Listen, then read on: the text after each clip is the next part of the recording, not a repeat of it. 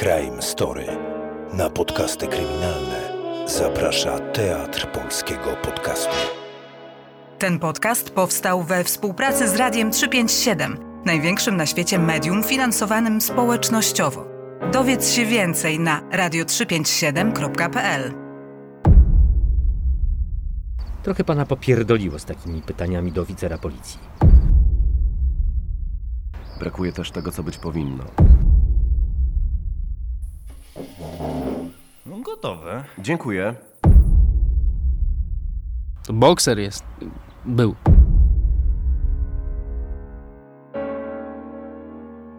W Crime Story zapraszamy na piątą, ostatnią część Skarbu, czyli opowieści o zabójstwie w Nowej Soli w 1991 roku. Wszystkim słuchaczom przypominam, Crime Story powstaje dla Was, ale również dzięki Wam. Liczymy na Wasze wsparcie w serwisie Patronite. Link znajdziecie oczywiście w opisie odcinka. Tymczasem wracamy na finał śledztwa prowadzonego przez komisarzy Gromińskiego i Banasika z Komendy Wojewódzkiej Policji w Zielonej Górze.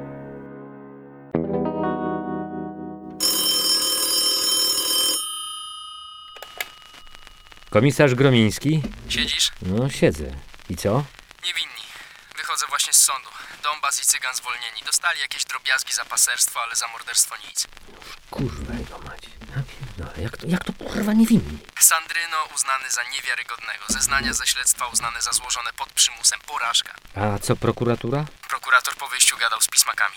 Zapowiedział apelację. W ogóle cyrk jakiś się zrobił. Cyganie prawie zamieszki na korytarzu zrobili. Romowie.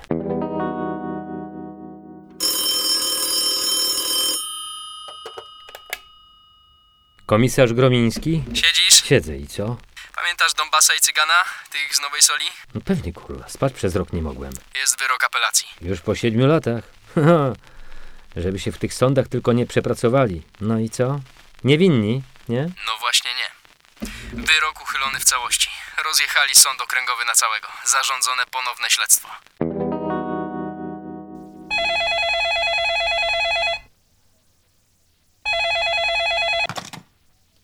Nadkomisarz Gromiński? Dzień dobry, panie nadkomisarzu. Z tej strony prokurator Przemysław Radowski z prokuratury apelacyjnej. A, dzień dobry, panie prokuratorze. W czym mogę pomóc? Nie wiem, czy pan wie, ja jestem prokuratorem prowadzącym ponowne śledztwo w sprawie zabójstwa w Nowej Soli. Tak, tak, tak, tak, wiem, wiem. Dzwonię, żeby zapytać, czy pan znajdzie chwilę na rozmowę ze mną. E, w sprawie z Nowej Soli. Tak, tak. Wie pan, to już 11 lat minęło, Ja wiem, ile minęło, panie nadkomisarzu, ale mimo to chciałbym z panem porozmawiać. ale tak konkretnie to w jakiej sprawie? Konkretnie, to w sprawie nie na telefon. Aha, No właśnie. To co, znajdzie pan godzinkę na miłą kawę, czy mam wezwanie wypisać? o, ostro pan widzę pogrywa. Obiecuję, że jak skończymy rozmawiać, to pan się będzie dziwił, że taki łagodny byłem. No dobra. No, to kiedy? A jak najszybciej. Najlepiej dzisiaj. No dobrze. No to jadę. A pan u siebie w apelacyjnej? Tak, pierwsze piętro, pokój 103. No, będę za pół godziny.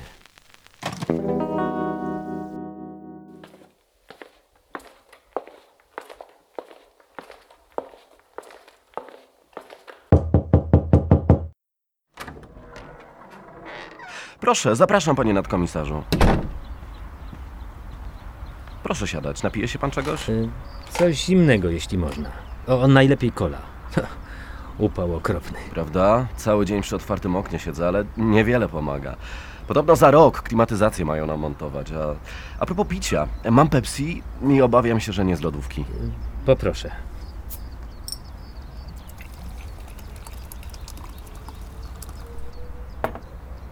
Pan chciał się ze mną widzieć. Tak, widzi pan, to być może nie jest jakaś naukowa, ani tym bardziej formalna metoda, a ja pewnie jestem trochę staroświecki, ale chciałem widzieć pana oczy. Jak pan usłyszy to, co chcę powiedzieć. Słucham? Oczy, twarz, drżące ręce. No wie pan, wszystkie te znaki, które mówią, że ktoś kłamie. Panie prokuratorze, no, nie rozumiem. Nie rozumiem, o czym pan mówi. Czy pan albo pana koledzy wzięli łapówki przy śledztwie dotyczącym morderstwa w Nowej Soli? Panie Henryku, no, jak to było? Czy ta rozmowa jest nagrywana? A skądże, to jeszcze nie ten etap. A szkoda, bo głupszego pytania w życiu nie słyszałem. To miałbym pamiątkę. E, Ja rozumiem, że pan jest prokuratorem prokuratury apelacyjnej, ale mimo wszystko Proszę wybaczyć. Trochę pana popierdoliło z takimi pytaniami do oficera policji. Uważam tę rozmowę za zakończoną. Żegnam.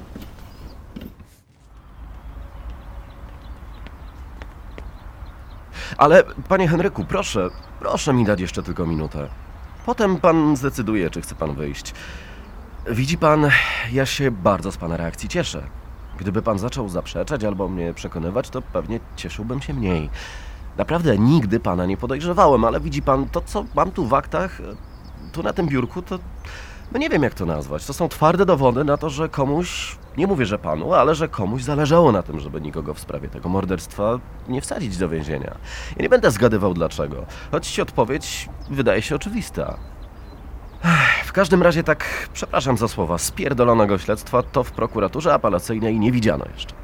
I z ciężkim sercem muszę powiedzieć, że o ile nie ma zastrzeżeń do pracy policji, to ogromne zastrzeżenia są do pracy prokuratury. Nie bardzo wiem, co mam panu odpowiedzieć. My, y, mówią nas w komendzie, robiliśmy wszystko, co mogliśmy. No ale większość czynności to było tu u państwa, znaczy w prokuraturze. A, a może mi pan powiedzieć, co państwo odkryli? Oczywiście. Okazuje się na przykład, że część ubrań ofiar nie została przebadana laboratoryjnie. Zarządziłem ponowne badania i co? Znaleźliśmy włos, który nie należał do ofiar. Dalej, ponownie, tym razem porządnie, przesłuchano sąsiadów lalka. Pan pamięta, jeden z nich zeznał, że około pierwszej w nocy obudził go krzyk. Tak. No tak, na tej podstawie ustalono dokładny czas popełnienia morderstwa. No właśnie, a tymczasem, jak go popytałem mocniej, to okazało się, że to mu się śniło. Słucham? No mam to tu gdzieś. Chwileczkę. O, jest. W tamtym czasie często męczyły mnie koszmary, bo byłem po operacji serca i bałem się śmierci. I on mi to zeznał w zeszłym tygodniu. Podobno chciał też powiedzieć to wtedy, za pierwszym przesłuchaniem, ale nikt w prokuraturze nie był zainteresowany. Ja pierdolę. Ale to nie wszystko. Pan pamięta pasera z Ciechocinka? Eee, krzywego? No tak na niego mówią, tak. Otóż w śledztwie zabezpieczono torbę, w której, jak podejrzewano, Donbas przyniósł mu rzeczy z napadu. Tylko proszę sobie wyobrazić, że nikt nie zlecił badania tej torby. A my na niej po tylu latach właśnie odnaleźliśmy ślady krwi huczyńskiego seniora. Niemożliwe. A jednak, więcej panu powiem, bo oprócz tego, co nowe, brakuje też tego, co być powinno. Nie wiem, czy pan wie, ale z magazynu dowodów rzeczowych zniknęły m.in. wyskrobiny spod paznokci ofiar. Nie ma też folii daktyloskopijnych. Nie no. Ale jak? Ale przecież to się nie mogło zdarzyć. Prawda? A jednak były, nie ma. Nikt nie potrafi odpowiedzieć dlaczego. I teraz jest pytanie: niechlujstwo, brak kompetencji, czy po prostu ktoś się celowo mocno postarał, żeby te rzeczy zginęły? A, także widzi pan, jaka jest sytuacja. A jutro? Jutro mamy szczególny dzień. Robimy ekshumację zwłok ofiar. Po 11 latach? A czego pan się spodziewa tam znaleźć? To teraz jedyny sposób na rozwianie wątpliwości genetycznych.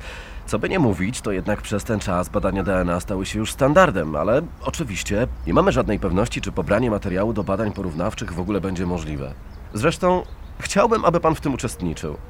Widzi pan, ja nie jestem z tych prokuratorów, co uważają, że policjanci to, proszę wybaczyć, tempaki, których jedynym zadaniem jest y, słuchać poleceń prokuratury. To zresztą w świetle tego, co panu dziś opowiedziałem, jest, mam nadzieję, oczywiste.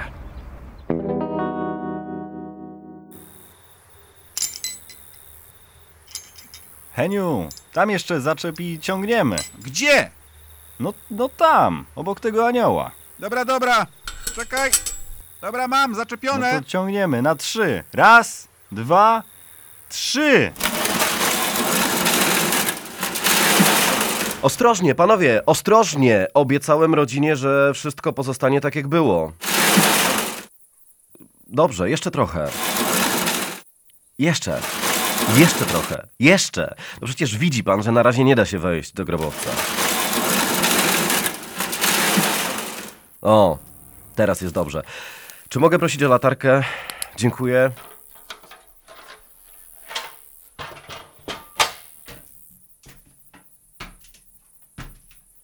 Panowie, grobowiec jest szczelny, trumna nie zapadnięta. Trzeba wieko otworzyć. Mogę panów prosić? Proszę tylko wieko odsunąć i niczego nie dotykać poza nim. Całą mamy zdjąć? W sensie to wieko. Tak, proszę całe otworzyć.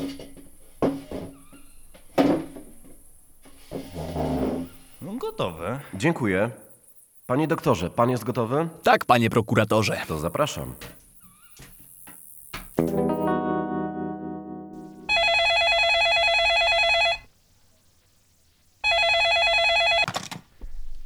Tak, słucham. Halo? Panie nadkomisarzu, Radowski z tej strony. A, dzień dobry, panie prokuratorze. Skończyliśmy pracę nad aktem oskarżenia. Pomyślałem sobie, że pan, jak mało kto zasłużył, żeby dowiedzieć się o tym pierwszy. No, dziękuję. Bardzo to doceniam. Chce pan się dowiedzieć, co ustaliliśmy? Nie, No, oczywiście. To zapraszam jutro do prokuratury. Opowiem panu. Dziękuję. A y, mogę przyjść z kolegą? Wie pan, no, my we dwóch nad tym siedzieliśmy te 10 lat temu. Oczywiście. Zapraszam. Na trzynastą. No więc tak, panowie. Skok na Precjoza Lalka był pomysłem Szymona Gawlika, pseudonim Cygan. Dombas łatwo dał się przekonać, a trzech kolejnych kompanów to znaleźli już bez trudu, bo legendy o skarbach ukrytych w willi zrobiły swoje. Do domu Huczyńskiego wprowadza ich Sandryno Lisowski, który jako jedyny mieszka w Nowej Soli. Chłopak okłamuje wójta, że znajomi cyganie chcą pohandlować starym złotem. Tak, on się do tego nam przyznał. Aha, a potem zaprzeczał w sądzie. No w każdym razie wszyscy pojawiają się późnym wieczorem. Huczyński wita ich kolacją i dobrym alkoholem. Jego konkubina śpi na górze, a syn był w tamtym czasie u kolegi. Poszedł po kasetę z filmem. W czasie kolacji napastnicy atakują Huczyńskiego, powalają go na ziemię i go wiążą. Obudzona krzykiem konkubina zbiega na dół. Dostaje się w ręce bandytów. Ci zaczynają ją torturować. Była też prawdopodobnie gwałcona na oczach Huczyńskiego. Kurde, gnoje, kurwa. Ta dziewczyna już prawdopodobnie nie żyła, gdy do domu wraca syn Huczyńskiego, Waldemar Junior. To było około godziny 23. Sytuacja się powtarza. Chłopak zostaje złapany, jest torturowany. Prawdopodobnie wszystko po to, aby zmiękczyć Huczyńskiego i zmusić go do wydania najcenniejszych swoich skarbów. W końcu i jemu podrzynają gardło. Z naszych ustaleń wynika, że wtedy Huczyński wpada w szał. Panowie wiedzą, że on był potężnej postury. To bokser jest. Był. No właśnie. W każdym razie zaczyna się wyrywać i rzucać. Mordercy więc atakują lalka ze wszystkich stron, nożami znalezionymi w willi. Zaczynają plądrować dom dopiero wtedy, gdy mają pewność, że zadźgali go na śmierć. Zabierają cenne ikony i obrazy.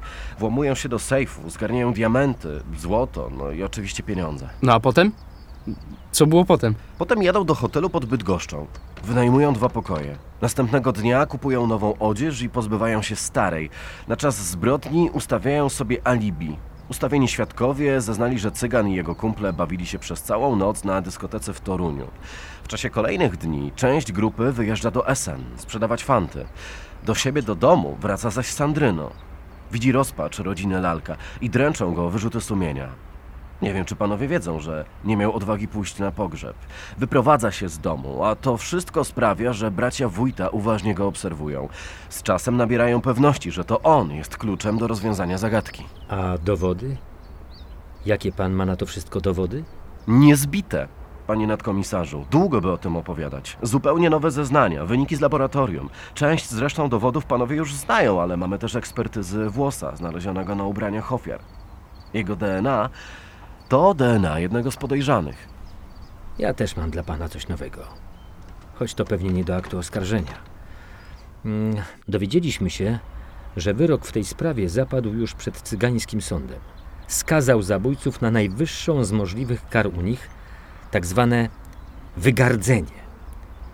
Dla członka tej społeczności taka kara jest niczym wieczne potępienie. Nikt nie udzieli pomocy wygardzonemu, nikt nie poda mu ręki na powitanie. Każde naczynie, w którym dostanie posiłek, zostanie potłuczone, jakby, jakby był trędowaty.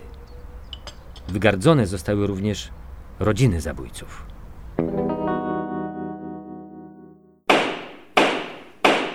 Proszę wstać, będzie ogłoszony wyrok. Sąd Okręgowy w Zielonej Górze uznaje oskarżonych winnymi stawianych zarzutów i orzeka wobec Szymona Gawlika karę 25 lat pozbawienia wolności, wobec Jacka Dawidowskiego karę 25 lat pozbawienia wolności. Wobec Aleksandra Grabarczyka karę 15 lat pozbawienia wolności. Wobec Zbigniewa Wojnarowskiego karę 15 lat pozbawienia wolności. Wobec Sandryna Alisowskiego karę 5 lat pozbawienia wolności. Proszę usiąść, będzie odczytane uzasadnienie. Tak kończy się sprawa zabójstwa romskiego wójta i tym samym kończy się ta historia. Na następne, oparte na faktach słuchowiska teatralne, zapraszam do kanału podcastowego Crime Story. Crime Story. Na podcasty kryminalne zaprasza Teatr Polskiego Podcastu. Rozpoznałeś wśród aktorów głosy, które kojarzą ci się z radiową anteną? Świetnie, ten podcast powstał we współpracy z Radiem 357. Promujemy nie tylko ambitne podcasty i słuchowiska, łączymy różnorodną muzykę, niezależną publicystykę i reportaże. Dzięki naszej społeczności gramy bez reklam.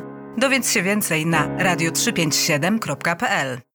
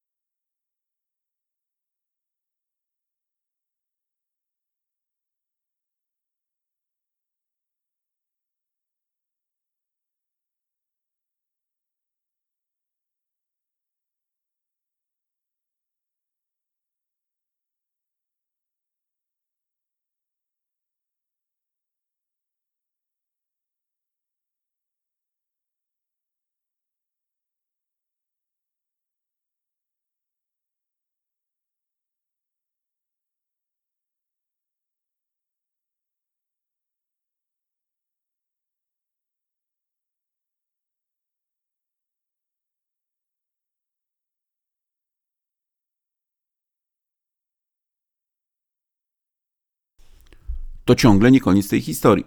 Na ostatnią, piątą część zapraszam na kanały podcastowe Crime Story. Dziękuję i przypominam, że link do Patronite znajdziecie w opisie odcinka. Wsparcie naszego projektu, wsparcie naszego projektu zajmie Wam mniej niż minutę. Mam nadzieję, że warto. Do usłyszenia.